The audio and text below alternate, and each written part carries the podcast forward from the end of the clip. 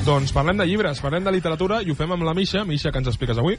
Doncs avui ens acompanya ni més ni menys que l'Eugènia Brogi, editora al capdavant de l'altra editorial. Ha estat llibretera, va ser col·laboradora d'editorials i mitjans i editora i impulsora de segells com Empúries o LLF Editores, on a més va fundar el segell de butxaca més important encara del mercat català, La Butxaca.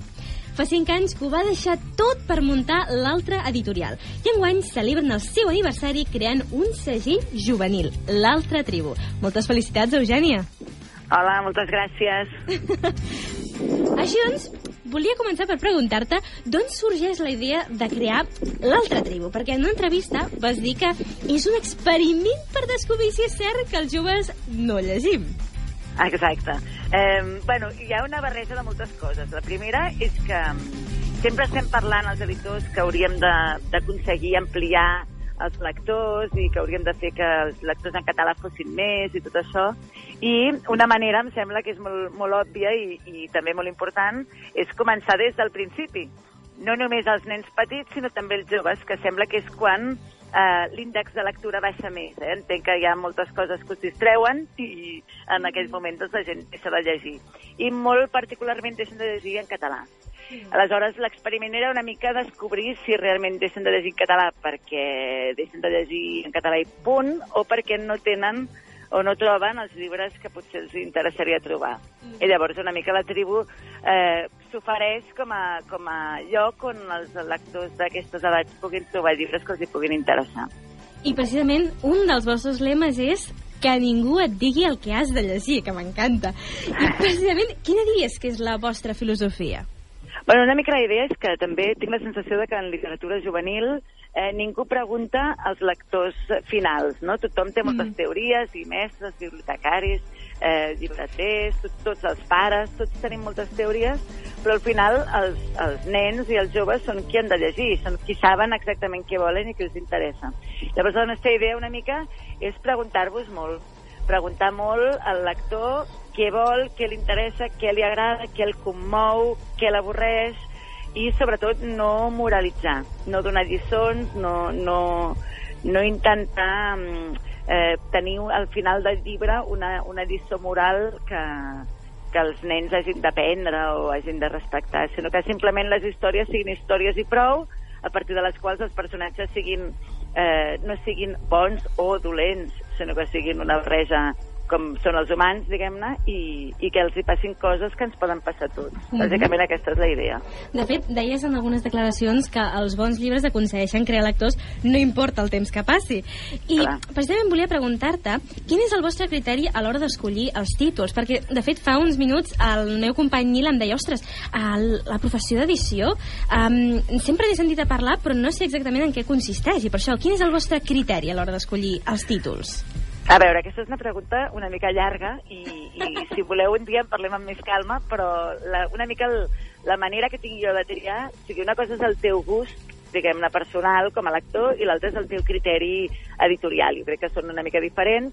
Com més petita és l'editorial i més personalista és l'editorial, més a prop estan el criteri i el gust, diguem, no? Però, en general, doncs, una cosa és el que t'agrada a tu i l'altra és el que creus que té sentit publicar per coherència de catàleg o perquè et sembla que és una història que pot arribar a molta gent o perquè t'ha tocat tant de prop a tu que creus que inevitablement tocarà molt de prop a molta gent, el que sigui. Però, però hi ha diferents maneres de valorar-ho.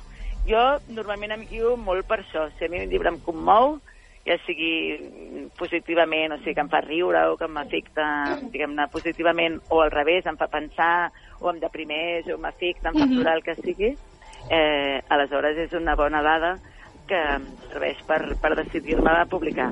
T'entenc. I, de fet, ens podries avançar algun dels propers títols de la col·lecció? Perquè tinc entès que també voleu apostar per joves promeses.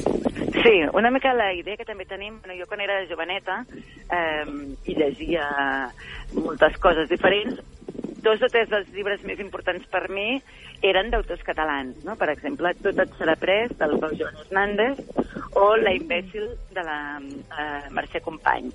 Llavors, em sembla que és important eh, també explorar una mica el talent de casa nostra.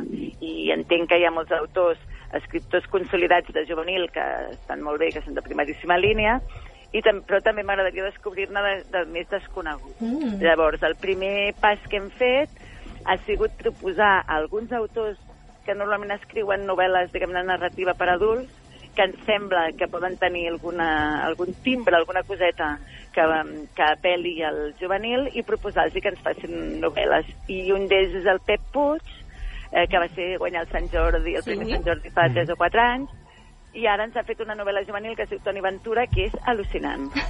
I, I això em fa molta il·lusió, perquè traduir de fora a mi ja m'agrada, perquè, perquè ja m'agrada llegir coses estrangeres, però també em fa molta il·lusió eh, anar trobant autors d'aquí.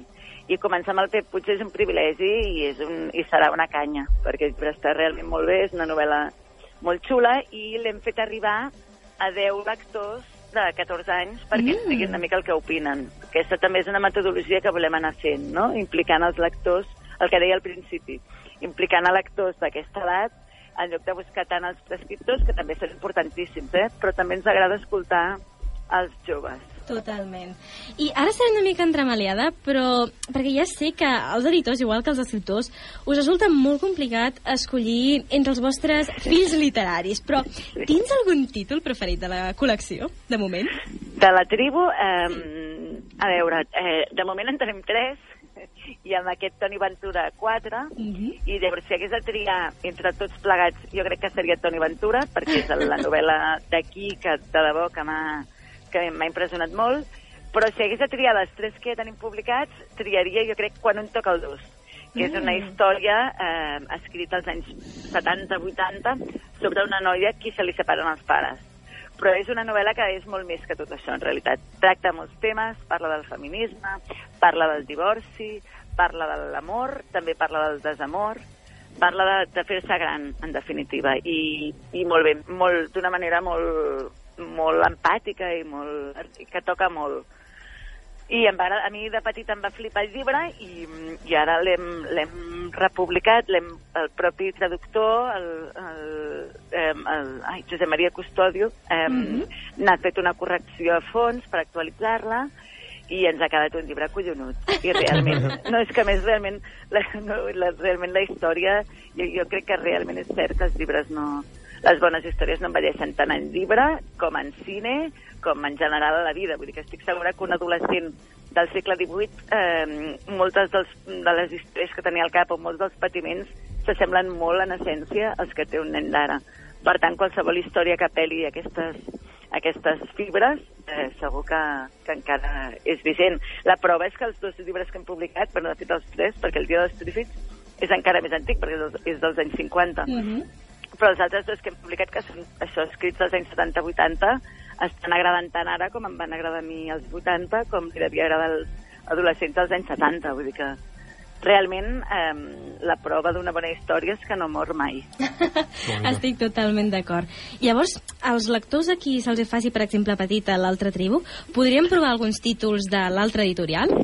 Sí, jo crec que també la, això també és un debat una mica llarg, no? I jo diria que vaig començar a llegir narrativa, diguem-ne, per adults o agafar llibres de la prestatgeria de la meva mare quan tenia 14-15 anys. Vull dir que als 15 anys ja estàs una mica amb un pas endavant, no? Sobretot els nens i nenes que llegeixen molt.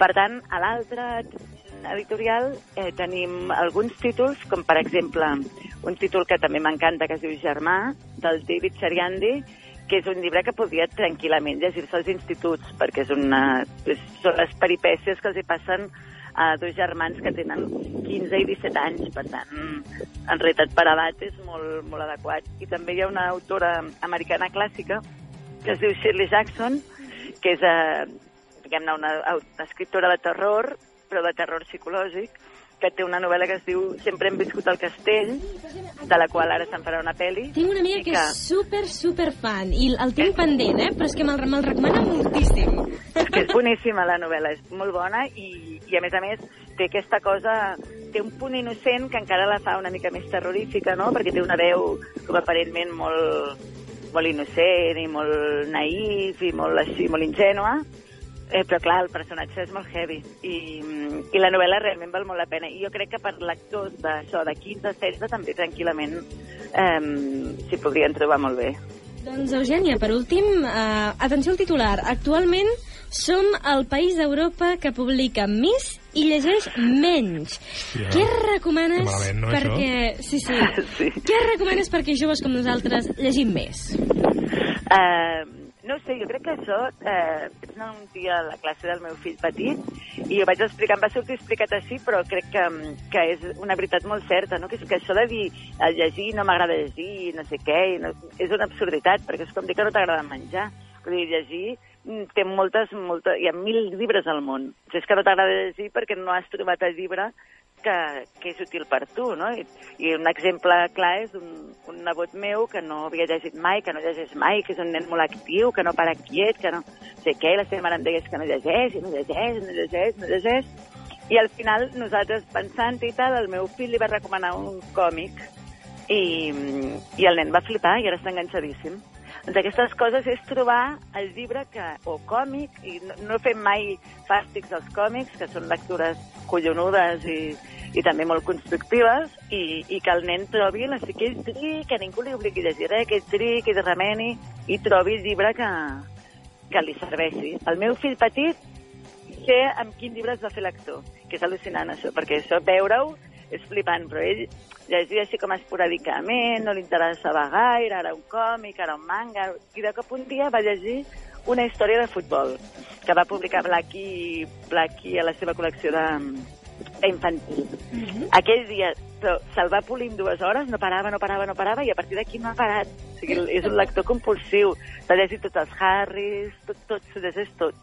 Ara, li ha de gravar. Si li dones una cosa que no li agrada, no s'ho llegirà, lògicament, com els adults, vaja. I és no obligar que els pares llegeixin, també ajuda una mica, i, i que busquin, que trobin el seu, el seu llibre, i a partir d'aquí que vagin fent la cadeneta, que es deixin guiar per bibliotecaris, que es deixin guiar pels eh, llibreters, perquè ells són, de debò, qui saben una mica quines, quins camins literaris pots fer. Doncs... I ja està, que vagin a la llibreria, que entrin, que remenin, que, no, que li perdin la por al llibre, perquè és que els llibres són molt guais, si, si, si trobes el que t'agrada. Si no, són un conyazo, és que ja ho entenc. És que això... No ho hauria pogut expressar millor. Totalment d'acord, Eugènia. De veritat, Bueno. moltíssimes gràcies per haver-nos acompanyat aquí a Vull ser jove. Molta sort amb l'altra tribu i moltes gràcies, de veritat. Vale, gràcies a vosaltres. Un petó. Adéu! Adéu. Jo us volia, jo us volia preguntar per això, vosaltres, amb, quina, amb quin llibre us vau fer lectors?